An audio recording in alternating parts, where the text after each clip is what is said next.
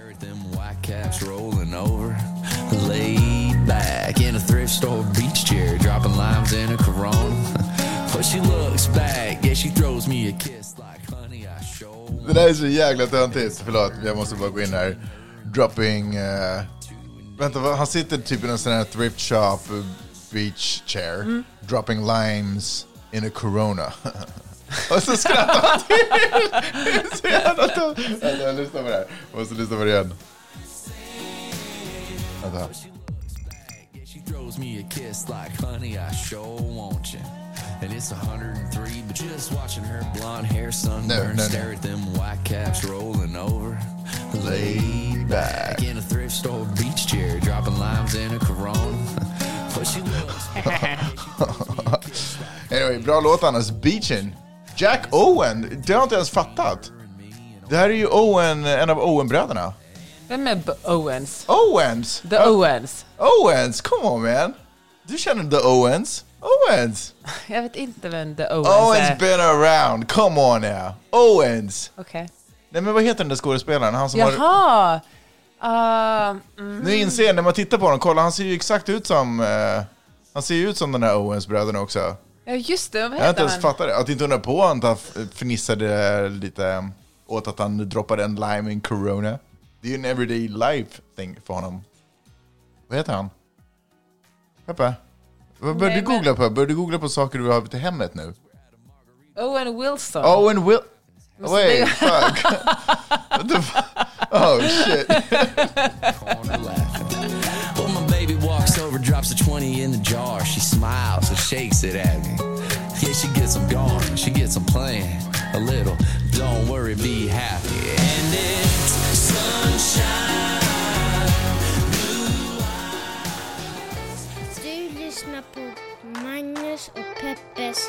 Podcast.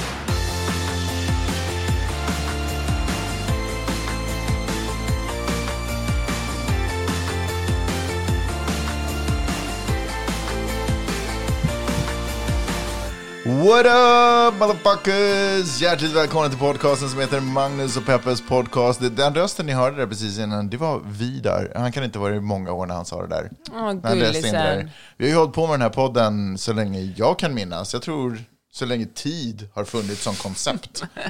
eh, jag tror att vår första gäst var väl typ Akneton eller något sånt.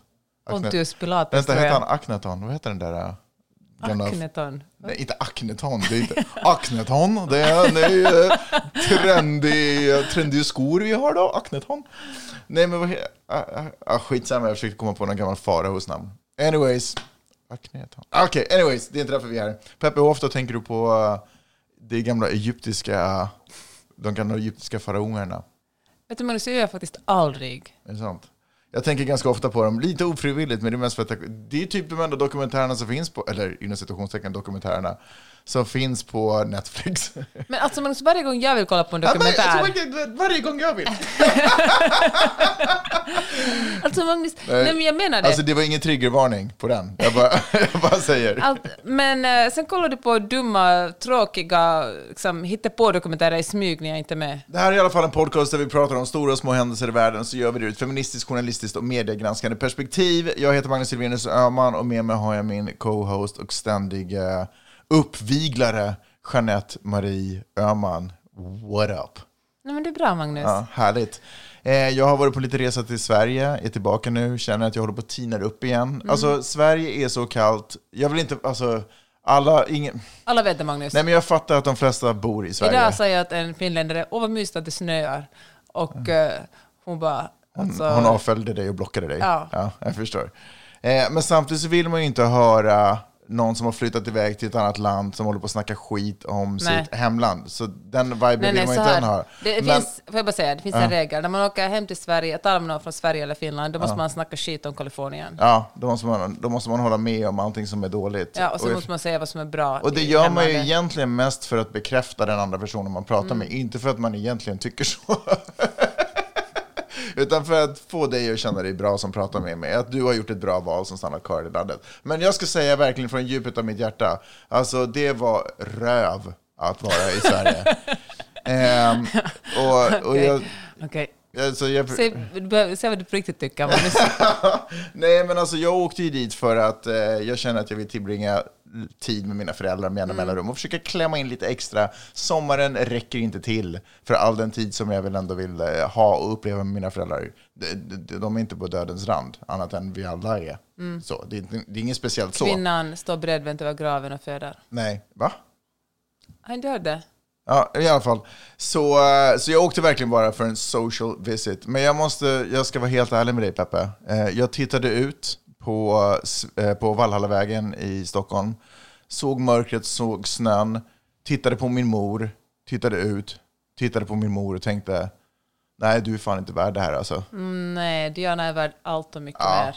Men sen blev jag sjuk eh, och det finns ingen bättre plats att vara Ja. sjuk på hemma, än hemma hos mamma. Så allting, everything worked out. Ja, det var faktiskt bra det. Nej, jag skojar bara. Det är inte så fruktansvärt. Men februari är ju en vidrig tid. Det är väl bara det. Det är Nej, bara men det. du behöver inte, alltså alla vet det. Ja. Men jag är i alla fall glad att du fick ta med, alltså när du, du ska åka så lånar Joel, vår kompis, dig en jättetjock jacka, mössa, handskar, du bara nej, nej, nej, jag behövs inte. Ja, nej, men det behövdes. Det behövdes. Ja, det behövdes verkligen. Jag kan säga att de, den mössan, de vantarna och den jackan har kommit till användning. Mm. Jag fann mig själv sitta inomhus med mössan på. Mm, där ser man. Eh, ja, alltså, du vet när skelettet är kallt. Jag hade glömt bort den känslan. Men när skelettet är kallt, till och med, jag förstår, alltså det är ju varmt. Jag tror ingen, du, du har inte berättat det för någon, för jag tror att alla våra lyssnare verkligen befinner sig i Finland och Sverige. ja, De eh, vet. Alltså, fel. Ja, ska vi gå över till någonting annat innan alla har stängt av?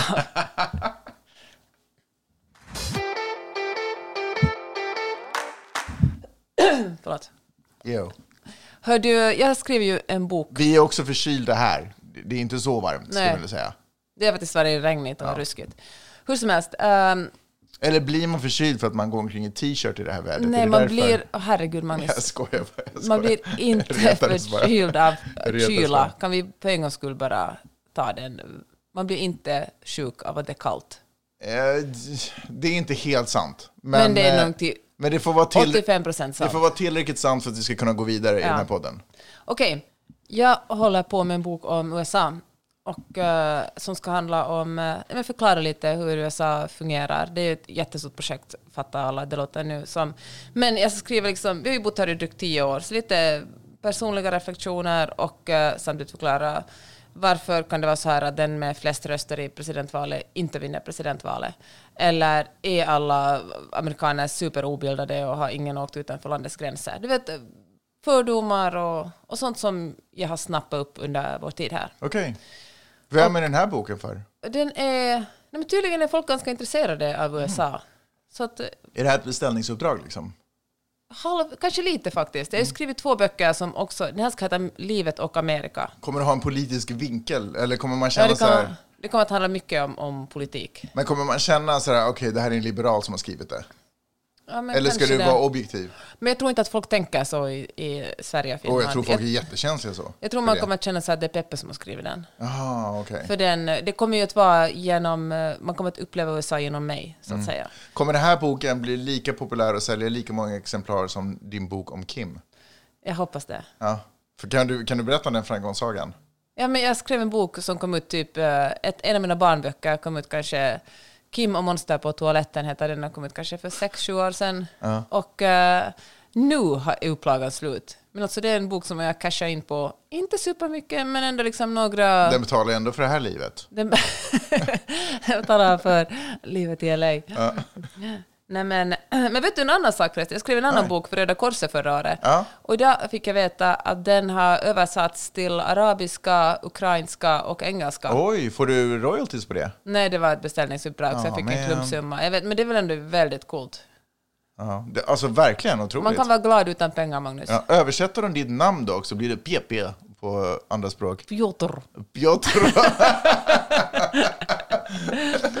Men får jag bara säga, okej, Livet och Amerika är lite av ett beställningsuppdrag, för min allra första bok heter Livet och barnet, om Mm. Ja, att överleva första- som någons mamma. Din allra första blogg hette ju Livet och Helsingfors. Ja, just det, det hade jag inte ens tänkt på. Just det, just det.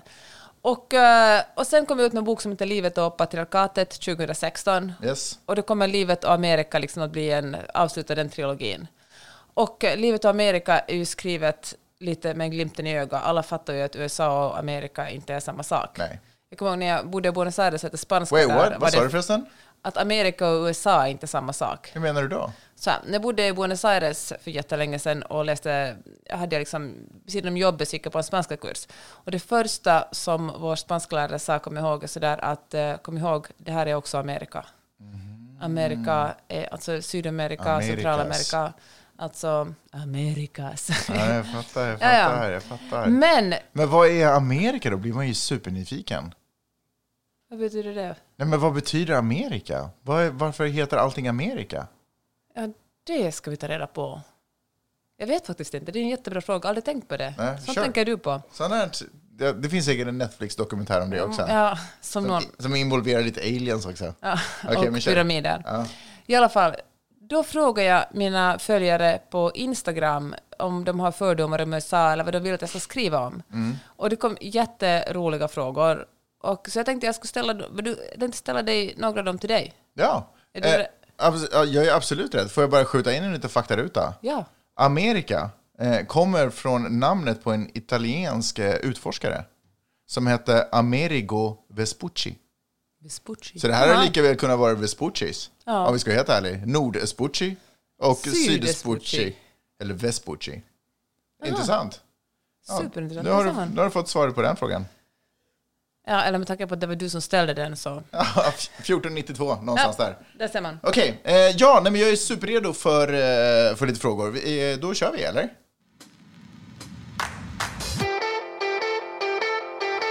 Okej, här kommer en. Hur blir man demokrat och republikan? Ärver man världen? Finns det familjer som röstar olika? Nej, men eh, slås man inte in i de här olika gängen? Alltså att man måste löpa sådant här eh, kriminellt gatlopp och sen så blir man en del av gänget. Sen man, får ett uppdrag, Man ska eh, mörda någon från andra sidan. man ska mörda någon från andra sidan, då får man vara med i, i gänget. Nej, jag vet inte. Eh, Och så var det en seriös fråga, eller vad menar du? Det var en seriös fråga. Hur man det här är inte någon slags dum humor på. Nej, men okej, men på vilken, på vilken nivå, hur blir man eh, demokrat? Hur väljer man vem man ska rösta på? Eh, man checkar sina egna värderingar och så ställer man dem mot eh, det part- de, de partier som finns tillgängliga. Och så hoppas man att, eftersom tyvärr så finns det ju bara två alternativ här, lite lättare i Sverige. Och så hoppas man att så många av ens egna värderingar matchar det, eh, ett av partierna och så väljer man ish det. Men sen för att de facto få rösta på det här partiet så måste man ju också sen registrera sig. Alltså om man, till skillnad från i Sverige så måste man, om jag vill rösta på Moderaterna så måste jag liksom gå med i det moderata partiet eh, som medlem och då får jag rösta på Moderaterna. Så det är väl också en sådär hur man blir. Det finns ju en, eh, en eh, anmälningsprocess anmälningsprocess i det också. Men hör du, det där du sa att det bara finns två partier stämmer ju inte helt. Det har ju funnits The Green Party och Libertarians hotar ju med att ställa upp nu också. Men, och det, skulle, det här skulle vara ett mycket bättre system om det skulle finnas fler partier. Men problemet är alltid det att när det kommer ett, ett nytt parti, säg The Green Party till exempel, då är det ofta de människor som bryr sig om miljön och klimatet. Och eh, de här värderingarna faller också, det är inte, absolut inte exakt samma, men då är det demokratiska partiet påminner mer om det gröna partiet än om republikanerna. Och då är det ofta röster från demokraterna, eller folk som annars skulle rösta på demokraterna, som säger att oh, kanske är min röst till det gröna partiet. Och då betyder det att demokraterna förlorar några, några, det är aldrig så mycket att eh, det gröna partiet har en chans att komma in i kongressen eller i, i senaten. Men så pass mycket att, de, att demokraterna kanske förlorar mot republikanerna. Och, eh, så då blir det ofta taktikröstande och eh, så det, liksom blir, det, det, det finns aldrig liksom utrymme för att komma in i, eh, i och tävla om platserna. Det som också är lite olyckligt i det amerikanska systemet är att inte nog med att det finns få partier, det är också personröst, eller personval. Jag tror att det här, det här systemet, oj förlåt, jag tror att det här systemet hade gynnats, eftersom det nu ser ut som det gör, hade gynnats av det, men gud, Ska du nysa? ja, någonting sånt. Eh, jag tror att det här systemet skulle gynnas av om det inte var personval. Eftersom det är ändå så få alternativ, förstår du vad jag menar? Det blir så otroligt koncentrerat på en individ, speciellt i presidentvalet då obviously, men också i senator, eh, val inför eh, senator och kongressen, att det blir så otroligt mycket fokus på personer. Jag tänker att om det hade varit, eh, eh, om det hade funnits fler partier, som i Finland, där det basically också är personval, så är det liksom lättare att hantera det, för det finns så mycket mer att välja mellan. Fast vet du vad, jag tänker nästan tvärtom faktiskt. Du Jag tänker tänk- att det är bra som det är i USA? Eh, nej, det tycker jag verkligen inte. Jag tycker att det, skulle, att det här landet säkert skulle må bra av flera partier. Men jag menar att det är personval, alltså inom ett parti ryms det ju väldigt mycket olika. Det, det, liksom extremerna kan vara jättestora inom ett parti. Mm. Alltså man kan rösta på AOC eller, eller på Bernie Sanders i Demokraterna, som ligger ganska, eller väldigt långt vänsterut, åtminstone i USA mot mätt. Men så är Joe Manchin, som är liksom på gränsen till att vara republikan i den andra ändan. Så det finns liksom allt möjligt att välja på. Skulle man bara rösta på ett parti, då skulle man ju inte veta exakt vem som får ens röst eller vad det, vilka värderingar det går. Nej, Jag menar, det är så brett. är alltså, sant. röstar man på Bernie Sanders, då vet man att det är någon som står upp för sånt som man också står upp för. Det är sant, men precis, men det betyder ju att också partipolitiken skulle vara tvungen att lite sådär äh, formateras och göras om. Och det, nu, för nu tillåts det så väldigt mycket att någon spacear ut till vänster och någon spacear ut till höger. Eh, Medan i, US, eh, förlåt, i Sverige till exempel, vilket också leder mig till en annan sak, men eh, i Sverige så är det ju liksom, det här är vad partiet står för. Och vi behöver röster och så lägger vi in de människorna som kommer föra de Du här tänker att det ska automatiskt bli fler partier då? Nej, in, nej det, det, jag tror inte att de är relaterade. Jag tror bara att det är väldigt problematiskt för nu blir det ju, nu uppmuntrar det ju individer att spacea ut och bli extrema åt alla tänkbara olika håll och köra sin egen popularitetsagenda. Förstår du vad jag Ja, menar? jag förstår. Men jag tror att det är bättre om partiet skulle få möjlighet att samlas kring några former av värderingar som vi står för. Mm. Och sen så röstar du för att fylla våra platser i riksdagen, Ja. tror jag. Jag tänker också nu i Sverige till exempel, vilket jag tycker är helt absurt, är till exempel så var det någon, eh, det var någon kvinna som lämnade Kristdemokraterna som sitter i regeringen och blir politisk vilde, men tycker ändå att hon ska sitta kvar. Hon är ju inte för att hon vill respektera de röster, men hon är ju inte personligt vald. Jag tycker att det är ju Mm. Nej, helt korkat. Om hon plötsligt inte eh, ställer upp på sitt eget partis agenda, då måste ju hon ju dra. För att Ja. folk har ju inte röstat för henne, utan folk har ju röstat för partiet. Men vet du, jag tycker faktiskt tvärtom att det funkar bättre. Alltså om man ska rösta på ett parti istället för en person tror det faktiskt passar mycket bättre där det finns många olika partier att välja mellan. Jag tror det ska vara väldigt svårt att Ja, vänta, bara... alltså om man ska rösta på person så funkar det bättre med många partier. Ja. Det är det jag säger. Nej, det, nej, nej, nej, nej, på partiet tvärtom. För att, eh, alltså, att rösta på, alltså, jag tror att väldigt många amerikaner inte skulle hitta en enda kandidat som står upp för dem om man skulle göra det, om man skulle säga att Nej, demokrat... men du ska inte ha kandidater, du ska ha partier. Ja, men jag tror att många, alltså jag tror att det skulle, eftersom det är ett så enormt stort land med så väldigt, ett så heterogent land, Mm. och det finns så otroligt många olika, men Sverige och Finland är ju mycket mer homogena ändå. Jag tror absolut att om, om folk istället för att rösta på person, nu kommer inte det här hända, så det här är en jättekonstig och lång Mm. hypotetisk diskussion. Men jag tror att om folk istället skulle rösta på partier så skulle det ju också öppna upp och göra det mycket lättare för nya partier att komma in och ge mycket större mångfald. Ja, alltså jag håller inte med, men det är fine, vi behöver inte tala mer om det. Okej. Ja. Tänk att du har blivit så korkad på så kort tid. Åh, herregud, Magnus. Okej, kör. Flytta till Sverige då om det är så mycket bättre där.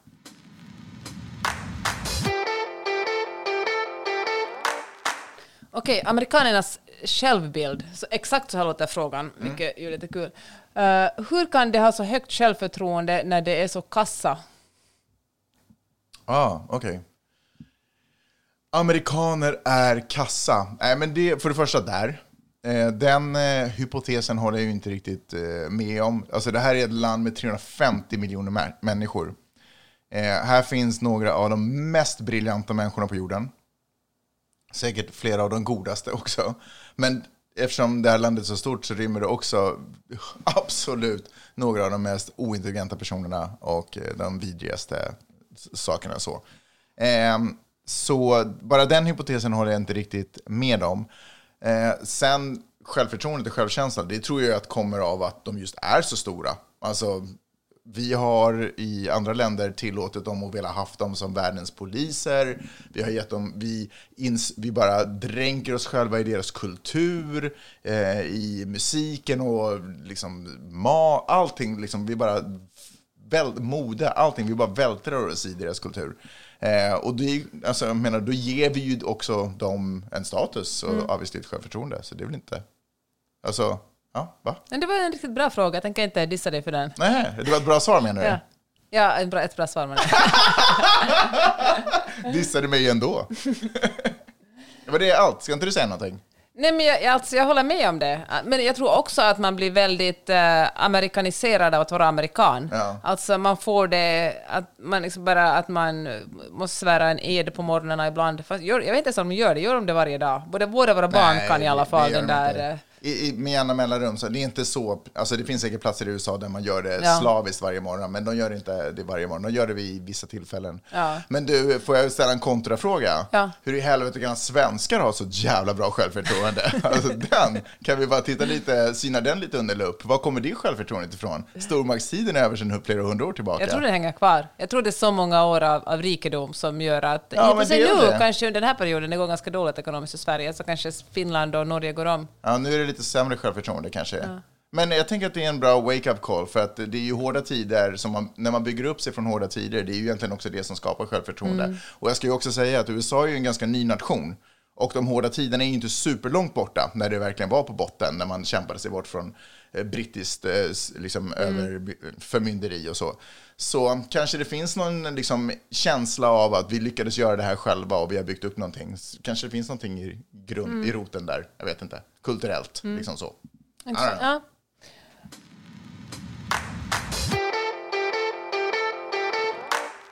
Bilden man har av dålig allmänbildning, stämmer det? Eh, Du måste uttala det ordet Ah, ja. innan vi går vidare. Allmänbildning. Allmänbildning. Jag tror att den precis som i stora delar av väst... Varför är det jag som... Det är som att jag är någon form av expertkommentator. Du får svara på den här. Det är så här tror jag det är. Alltså, jag kan börja, jag kan börja med en anekdot ur mitt eget liv. Oh my lord. Nej, men jag kom till USA för att göra en, en master och då kom jag och tänkte att alla är lite dumma i huvudet här. Och eh, så gick jag in på mitt universitet USC som faktiskt är ett av USAs bästa universitet, vill jag flika in här. Och eh, då kom jag in och så var jag sådär, Hi, my name is eh, Peppe Öhman, I'm from Helsinki, Finland, um, Europe. Alltså, och folk var såhär, men gud, alltså, dude, vi vet verkligen Men du gick ju på en överklassskola också. Ja, alltså jag menar, men alltså, jag, jag, jag gick på, eh, ja, om man går på ett universitet så vet folk exakt vad det är. Sen, eh, så det är väl också ett jättebra svar på frågan, alltså det finns ju allt här. Det finns folk som är jätte, jättevälutbildade Mm. och folk som verkligen inte är det. Just jag skrev ett kapitel just nu i boken som handlar om hur mycket amerikaner reser utomlands. Och, eh, och hur mycket de vet om omvärlden. Och det är ju, för det första finns ju allt i USA. Alltså det finns ju typ, vill man åka skidor, vill man sola, vill man dyka, vill man Oj, det var som en Povel Ramel-rap. Vill man åka skidor, vill man sola, vill man dyka, vill man simma. Allt finns. Vill man klättra i berg? Vill man... Så men också, alltså, det finns folk som har råd att, eh, att sätta sina barn i jättedyra skolor, gå på jättedyra dyra universitet och som utbildar barnen jätte och ungdomarna jätteväl. De som har sämst pengar, sämsta pengar, de är ofta de som har sämst utbildning, de har inte råd, de har inte pass, de har inte råd att resa, de har kanske inte råd att sätta sina barn i speciellt bra skolor. Till exempel så här att, att i USA så är, har 60 procent av alla lärare en magistersutbildning. Och eh, då beror det väldigt mycket på. Åker man till New York till exempel, då har 96 procent av alla lärare en magistersutbildning i pedagogik. Åker man till Texas, Texas, Oklahoma, South Dakota, då har bara mellan 30 och 40 procent av alla lärare en universitetsutbildning. Och eftersom delstaterna har sina egna system, alltså de bestämmer själva vad som får läras ut, så kan en skola i, eh, nej, i South Dakota se helt annorlunda ut än en skola här i Los Angeles. Och eh, det är ju kanske konstigt, men jag tänker att man tänker ofta kanske för mycket på USA som ett enhetligt land. Man kanske, det här är superförenklat nu, men känner lite, att det är lite mer som Europa. Alltså Finland och eh, Italien har vissa saker gemensamt, men det är ändå ganska olika kulturer och ganska olika saker som man lär sig där. Så det är ett väldigt, jag vet, ett väldigt segregerat land på många sätt. Men får man väl också säga att är det inte så att generellt i västvärlden så har väl allmänbildningen gått ner? Alltså jag får, Ja. Om jag inte, om jag inte liksom missminner, jag ska hitta på en studie nu bara, eh, som säger att, jag hittar verkligen på det, nej men som säger att typ sådär att eh, Nej, men att barnen presterar sämre i skolan, fler går ut med sämre läsförmåga, sämre i matematik och massa sådana här grundämnen. Så, ja, och jag tänker att USA är ju ett föregångsland på många sätt, men också på det negativa. Att jag tror att vi ser mycket av det som händer i Europa ser vi nästan lite mer eh, extremt i det här landet. Därför Ja. att det är så... Ja, men det, det, det är som en, en, en buljong av vad som händer i västvärlden, liksom en nerkokad, koncentrerad form av det. Mm. Verkligen. Så jag tycker nästan att, eh, ja, man kan peka på USA och tycka att det är sådär ett fruktansvärt oallmänbildat land på, på, många, på många delar. Men jag tror att det är en enormt röd flagga till vad som händer hemma eh, runt, det egna, Mm. runt den egna knuten. Och får jag också bara ändå säga att liksom när vi tittar på Kalifornien och alla de här självstyrande staterna, Kalifornien till exempel som vi bor i, alltså det är ändå 39 miljoner människor. Alla de här enheterna som stater och sånt, det är ju egna länder basically. Eh, så, som styr sig själva. Men får jag säga en sak om utbildning? Alltså en, ett tydligt tecken på att det inte går så bra för USAs allmänbildning är att eh, folk allt mer väljer att inte gå på universitet. Och det är en trend som går åt andra hållet i Europa. I Europa så, och på många andra ställen i världen så är det vanligare att man söker sig till akademisk utbildning. Men i USA har attityderna förändrats väldigt mycket också. Ännu liksom så 20 år sedan då var det självklart att man skulle sätta sina barn. Både Republikanerna och Demokraterna tyckte att ja, alltså det är en jättebra sak att om, om mina barn får en akademisk utbildning. Men priserna på universitet har gått upp otroligt mycket. Alltså att gå på USC kostar nu för tiden ungefär 65 000 dollar i året, plus en massa annat. Det är liksom bara terminsavgiften. Sen kan man gå på ett, eh, ett, eh, ett, ett förmånligare universitet, som typ i Oklahoma, där man kanske bara betalar 6 eller 7 000 om året. Och då går man ju alltså Eller Phoenix över nätet. Ja, men det finns alla möjliga alternativ. Men det har också, och ofta när man blir utexaminerad så då får man också ett jobb som, som kommer att ge en bättre betalt än när man är utan att gå universitet. Men, eh, men det är en jättestor investering. Alltså. Många människor tar, alltså många unga tar lån, eller deras föräldrar tar lån och så betalar man av det resten av livet. Och liksom många av de här lånen som man har har liksom, trots att det har gått tio år sedan så betalar man av på samma för att räntorna är ganska höga här. Räntorna är generellt mycket högre här. Men 2016 hände någonting. Man kan säga att det var Trump, man kan säga, jag vet inte, många andra faktorer. Men då började attityderna förändras också. Att man kände att det var väldigt många som bestämde sig för att inte, det var inte så viktigt med universitetsutbildning. Och eh, det har sjunkit i botten, speciellt hos republikaner. Demokraterna vill, alltså man delar upp liksom folk i demokrater, republikaner, liberala och konservativa om man ska göra en sån tudelning i USA. Och libera, alltså liberala demokrater vill hellre att deras barn ska gå på universitet och många universitet är också ganska liberala. Och speciellt när man talar om, om och det, republikanerna tycker att allt är så här woke och de vill inte att deras barn ska gå på sådana institutioner och det delar upp liksom folket ännu mer. Men det som är sorgligt är att eh, allt färre har förtroende för universitet och allt färre sätter sina barn genom universitet. Det är extra synd, för jag tänker så här, i mitt eget lilla enfaldiga huvud så tänker jag att speciellt nu när det är dåliga tider så är väl det bästa man kan göra är att passa på Verkligen. att utbilda sig under tiden när det ändå inte finns, finns några pengar. Och speciellt i ett land som Sverige som erbjuder eh, liksom studiestöd och lån, förmån, otroligt förmånliga lån. Eh, att, så att man basically kan studera gratis. Alltså jag förstår att alla kanske inte har möjlighet till det, men jag tänker så här, när det är dåliga tider, det är svårt på jobbmarknaden och whatever it is, fucking plugga. Verkligen. Alltså, Från en person som har pluggat extremt mycket. Ja. Plugga. Men här är det ju en helt annan sak, för här har man kanske inte möjlighet att plugga. Sen kan man ju gå, får läsa boken sen, det finns ju såklart andra sätt att gå. Alla betalar inte den fulla, liksom hela summan, utan det finns andra sätt också att, att uh, finansiera sina studier på. Man kan få vara på sport, man kan få ett, ett stipendium eller någon slags Man kan få stipendien även fast man inte håller på med sport, Ja. även fast det är den liksom, populäraste och vanligaste vägen. Eller Exakt. åtminstone den som hörs an- mer. Precis. Det finns andra sätt också. Men äh, allmänbildningen kunde definitivt vara bättre. Får jag säga en sak till nu? Precis innan vi började spela in den här podden skrev jag just om allmänbildningen i boken. Och det visade sig att när man gjorde en undersökning för några år sedan så kunde bara en av tre skulle bara komma in den här eh, medborgartestet, klara av det. Alltså det testet man måste ta som utlänning om man blir amerikansk medborgare. Så bara en av tre av de här amerikanerna som fick göra det klara av det.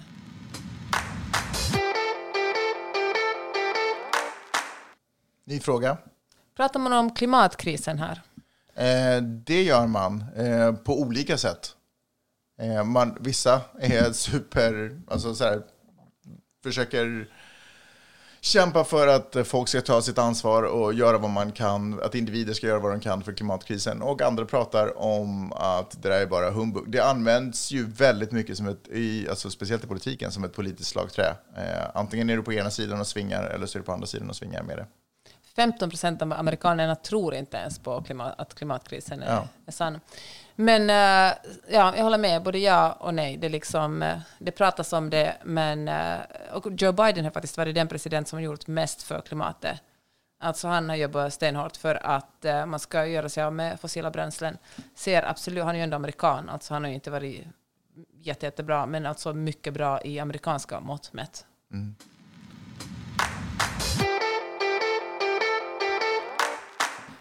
Drickskulturen. Vad kan du säga om den, Magnus? Ja, det dricks en hel del. Hur mycket dricksar du då? Men, Hör du inte? Alltså, du får väl lite foka när jag droppar grymma skämt. Eh, drickskulturen är stor och stark. Jag tänker att den kanske är tyngre i storstäder. Vet du vad, jag har faktiskt ingen aning om hur det ser ut över, liksom, om man skulle dra med kammen över hela, över hela landet. Men det är absolut en drickskultur. Jag skulle säga att mellan tummen och pekfingret handlar det om att 10% släpps minst efter eh, all social service. Nej, efter restaurangbesök och barer. 10%. Ingen betalar ger väl så lite dricks som Nej, jag bara 10%. säger att det är minimum. Ja, Jag men det är ju också ett långfinger, liksom, att ge 10 procent. Nej, jag tycker att det är godkänt. Om jag aldrig skulle komma tillbaka till ett ställe skulle jag kunna lägga 10 Du har 10 aldrig i ditt liv lagt 10 procent i 10-15 USA. procent. 10-15 procent. Närmare 15. Men om jag var någonstans in the middle of nowhere skulle jag kanske droppa en 10. Det tror jag Är nog. det sant det? Ja, det tror jag nog faktiskt. Men eh, jag lägger ju mellan 20-25 procent på ställen som vi återkommer till därför att folk minns en. Det är ju en grej med USA, eller amerikaner, att de fucking minns dig. Mm. Alltså de kommer ihåg det. Eh, så, och jag tycker om känslan av att det är så här, man blir vä- vänligt behandlad och det kan man tycka vad man vill om, men det är kulturen. Så det är spelreglerna. Mm, du köper det kärlek. I det här fallet så gör man väl det antar jag. Just det. Men idag gick jag och köpte kaffe och fick eh, 10 dollar rabatt. Så de dricksar dig. Nej men ja, men du vet så här, de bara uppskattar att man kommer tillbaka ofta och jag har ju obviously gett dem mer pengar än de har gett mig. Det är ju inte så liksom. Eh, men eh, ja, det I och för sig kan jag tycka att den har gått lite för långt. Alltså avskyr att man ska dricksa 20 procent när man går fram till en disk, beställer någonting, tar det och går och sätter sig. Alltså jag kan ha, alltså helt ärligt, jag har egentligen ingen åsikt om systemet. Jag accepterar systemet. Om systemet ändras kommer inte jag bara, nej, jag vill ge dricks. Eller det är inte så. Men jag bara köper det för vad det är. Okej. Kör. Det har också med restaurang att göra. Matindustrin, kostutbildning, stora portioner av mat och dryck. och enorma portioner av mat och dryck. Eh, och eh, större på fattigare platser skulle jag väl kanske våga generalisera det som. Det håller jag 100% med på. Jag tycker inte de är så otroligt mycket större här än i Stockholm och Helsingfors, i Santa Monica och Los Angeles. Ja, man får nog... Eller, ja, jag vet inte. Det beror lite på vilken restaurang, sorts restaurang man går på. Alltså fina restauranger, mindre portioner, så är Ja. det klart. Okej, okej, okej. Men alltså, du har kanske rätt. Kanske det är lite större här. Men för man går ju nästan alltid hem med en doggybag. Ja, det gör man verkligen. Det är ju vilket typ för... ju är normen alltså. Ja, men å andra sidan, det, det påverkar ju också priset om man kan käka samma maträtt två dagar i rad. Alltså, Mm. plötsligt så har ju maträtten halverats i pris. Så dricks och alltihopa så är det ju, det är ju dyrt, men det är ju ett sätt att ändå... Kostutbildning, de talar ju väldigt mycket om socker i skolan. Mm. Och, men samtidigt så den lunchen som serveras där, som för övrigt är gratis. Alltså våra barn får både frukost och lunch gratis i skolan. Jag tycker att det är ganska intressant, därför att jag- kommer ihåg när Vidar var liten och vi gick på den hälsovårdsmottagningen när han precis hade fötts. Då var, då var sjuksyster där väldigt intresserad av liksom våra alkoholvanor. Alkohol Jag tror rök. det var när Miley's föddes faktiskt. Nej, nej, nej, vidare. Då Okej. var de väldigt intresserade av våra eh, alkohol och rökvanor. Medan när Miley's föddes och vi gick här undersökningen, då var de väldigt intresserade av våra matvanor. Jag, alltså jag tänker att i det här landet har man... Ja, du menar Vidde var liten när han föddes i Helsingfors? Ja, precis. jag tänker att i det här landet har de problem med diabetes och fetma, Ja. speciellt i unga, och som går ner i unga år. Medan i Sverige och i Norden så har man större problem med liksom Mm. alkohol och, och rökning. Vi, än så länge så är vi inte ett land där folkhälsan upp, eller liksom Folkhälsomyndigheten upplever att vi Nej. har fetma som problem. Sen är det ju mycket, mycket, mycket billigare att äta ohälsosam mat. Ja, Alltså, frukt och grönsaker, det odlas ju enormt mycket frukt och grönsaker i Kalifornien, men det är ändå dyrt. Mm. Alltså, det är dyra produkter. Det är lättare att äta ultraprocessad mat. Alltså sidofact, jag läste en så otroligt intressant artikel. Kan det ha varit i Svenska Dagbladet eller var det i LA Times eller någon annan otroligt bra tidning?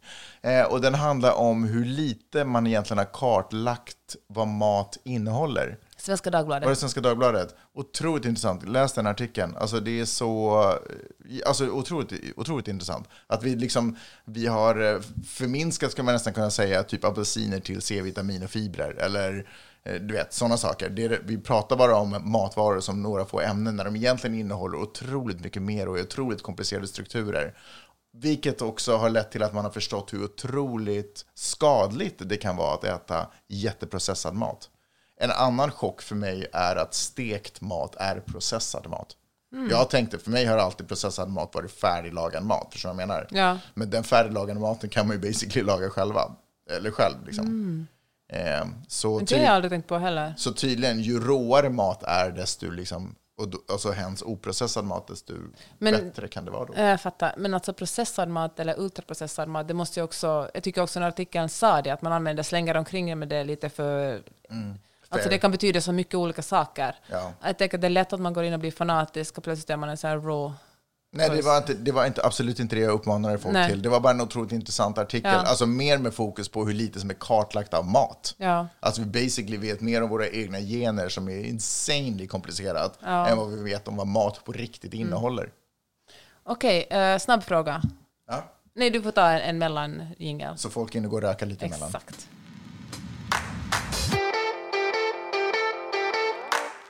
Varför kan man inte surfa vissa dagar? Eh, vi, varför kan man inte surfa vissa dagar? Därför att man kanske har magsjuka och måste ligga i sängen och sova.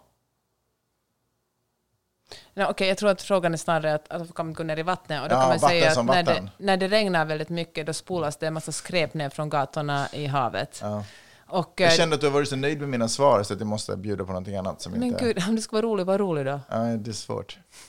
Och, eh, och det vill man inte... Skam den som ger sig. Ah, förlåt. Ja. Ja, men det vill man inte. Då, alltså, det var någon dag förra året som vi var ner. Jag tänkte, hur illa kan det vara? Och sen eh, åkte vi omkring och det var liksom chipspåsar och Mm. det var verkligen supersnuskigt. Hundbajs och... Jag fick en, faktiskt en fråga men vadå, har de ingen filtersystem innan vattnet eh, rinner ut? Och det har de ju givetvis från avlopp. Men jag menar, när saker och ting regnar, alltså vi till exempel nu på en klipp, vi bor ju uppe på en klippavsats kan man nästan säga. Det är svårt att sätta liksom ett filter som täcker hela klippavsatsen när det rinner ner saker rakt, liksom, när det forsar vatten från gatorna för att det regnar så otroligt mycket. Eh, så, så det är ju inte bara från avlopp som vatten Nej, kommer. Vi har-. Vi, alltså vi Nej, men det här är inte så att det är bara avloppet som leder rakt ut i Stilla Nej, och vi, vi simmar ju liksom, eller vi paddlar inte omkring i baj, bland bajskorvar. Det är liksom inte ett avfall rakt ut. Nej, men, en hundbajskorv kanske kan ja, det kanske ner. kommer, men den kommer från gatan Ja. någonstans ifrån. Nej, men problemet är ju liksom allt skräp. Det är torrt klimat här för det mesta. Mm. Det blir dammigt överallt. Du vet, det är sånt som, gatorna blir ju rena fina, men det sköljs ju liksom bara ner. Ja. Alltså, jag tänker ju själva, när ni spolar av, om ni ska spola av ert garage, vad fan händer? Typ så. ja, då vill man inte bada i det vattnet. Då vill man inte bada i det vattnet. Nej.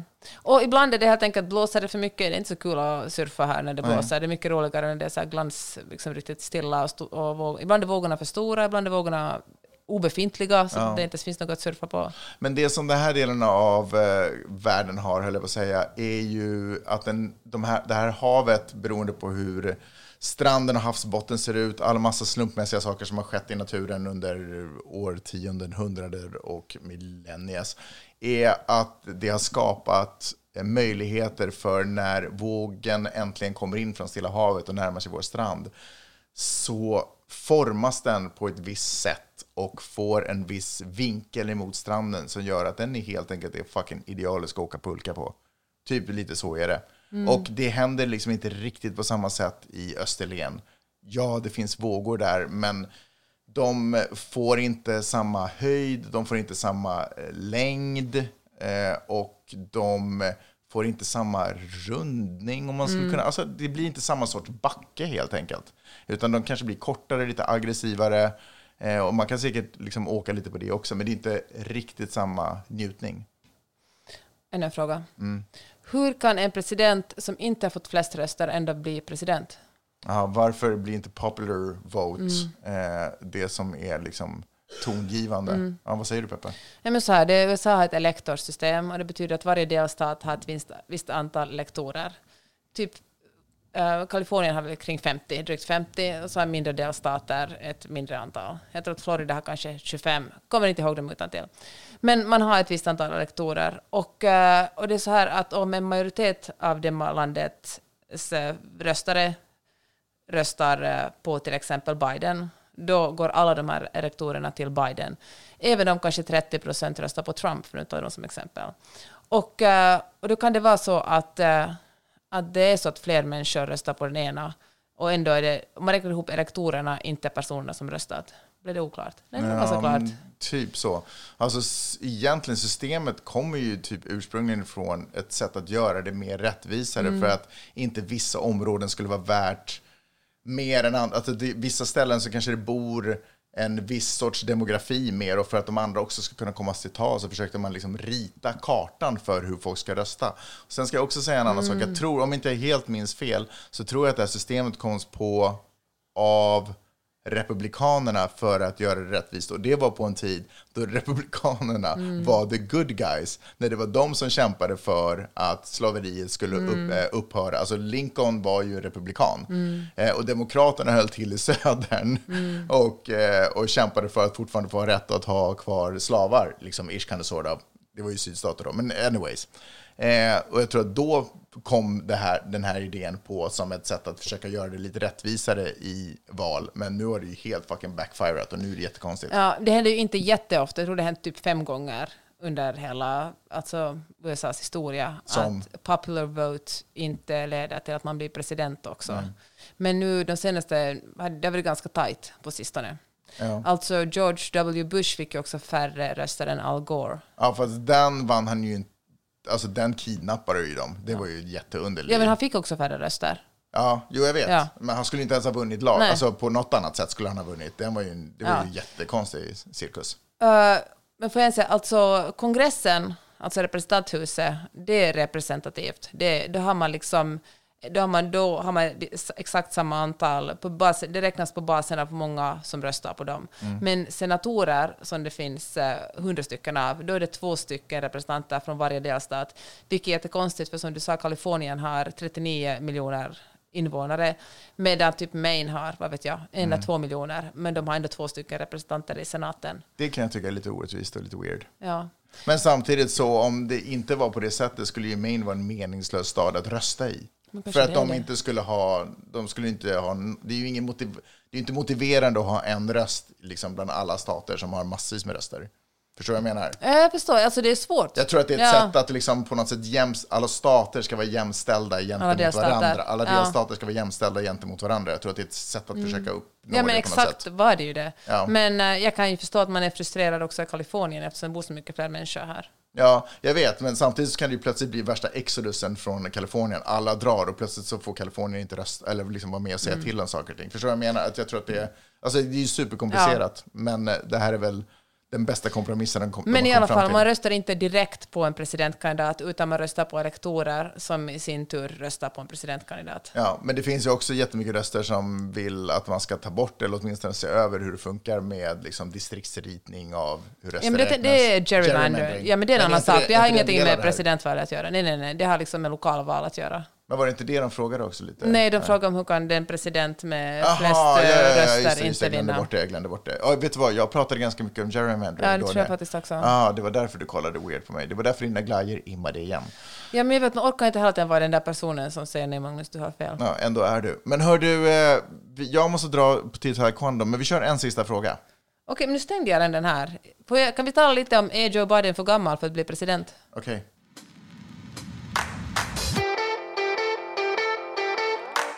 Så då ställer jag frågan, är Joe Biden för gammal för att bli president? Och svaret är väl helt enkelt... Nej. Ja, ja okej. Alltså jag pendlar så mycket i den här frågan, jag tycker det är så intressant. Ja, men det är han väl i en riktig värld, är han väl ändå det? Förstår du? Tänk dig en värld med massvis med options. Då är Ja, men grejen är 100% den att vi lever inte i den världen. Nej, nej, nej. Alltså, Så ska vi, år- ska, vi, ska, vi så här, ska vi välja mellan, eller vi får inte ens rösta för jag jobbar här Ja. på Green Card, men så här, ska vi välja mellan en av de mest framgångsrika presidenterna i USAs historia, Trump. modern historia? Haha. Nej men Joe Biden, han har gjort supermycket för klimatet, han har gjort för infrastrukturen, han har försökt hjälpa folk med jättehöga studielån, han har ju verkligen gjort ett bra jobb. Han har dragit ner inflationen blixtsnabbt, USAs ekonomi går som tåget. Mm. Det går superbra. Ingen hade väntat sig att det skulle gå så här bra ekonomiskt som det har gått under Joe Bidens tid. Alltså Republikanerna hoppades på att det skulle gå åt helvete, för att oftast är det så att det parti, när det går bra för det partiet, när det går bra ekonomiskt för det partiet som sitter som med, och har presidenten, Ja. då röstar man på det. Hur som helst, det har gått jättebra. Okej, han är supergammal. Det får, måste man hålla med om. Alltså, det går inte att säga något annat. Men han har gjort ett bra jobb hittills. Han har inte fuckat upp så mycket. Han har snubblat här och där, men det har inte påverkat hans policies. Han ser gammal som gatan ut. Han ser ut som Skallepär. Han talar som Skallepär. Men han har gjort ett bra jobb ändå. Jämfört med Donald Trump, som verkar bli galnare för varje dag som går. Senast igår jämförde jag sig med Navalny. Han sa att han är USAs Navalny. Han har sagt att han vill dra ut, alltså att han sa att om man inte betalar tillräckligt mycket pengar till NATO, är det, för då säger han till Ryssland, attackera det landet. Alltså han är, han är galen. Alltså han har 91 stycken åtal mot sig. Det är liksom, om, jag tycker det är att, jäm, att men det enda som New York Times fokuserar på är, är Joe Biden för gammal. Jag får bara lust att skrika, men kolla på alternativet. Alltså är det verkligen relevant att diskutera så otroligt mycket om han är för gammal när alternativet är någon som kommer att uh, göra USA till en fullständigt auktoritär stat? Det är helt sinnessjukt, så tror jag inte att Trump kommer att vinna. Jag tror att det finns otroligt många människor som verkligen hatar honom ur sina brinnande hjärtan. Men det finns ändå en sån risk. Ja. Eh, Okej, tack för den lilla ranten. Så du, ty, du anser inte att han är för... Alltså så här, jag tänker i en perfekt värld så är både han och Trump för gamla. Alltså, ba- gamla. om vi bara, tre år yngre än han. Om vi bara struntar i policies och bara ser ålders som en kvalifikation. Sådär ja och nej, det är det enda man får rösta på.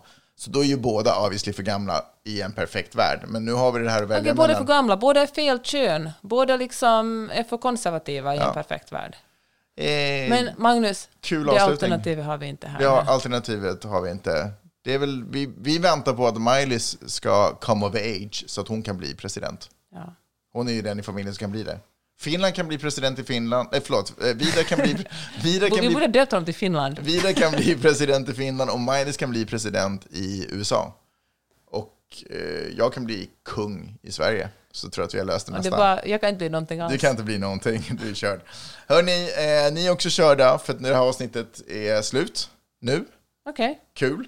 Tack för oss. Nu Bra svarat Magnus. Nu kan ni gå Tack så hemskt mycket bra och in, informativt och klokt av dig alltid som Peppe. Du är ju en, du är ett geni och en kunskapsbank utan dess like. Eh, Jag är väldigt glad för att ni lyssnar på den här podden. Och eh, jag tänker att eh, vi gör om det här om ungefär en vecka. Okej, Är du med? vi hörs då. Ja, tack för idag. Tja! Hej.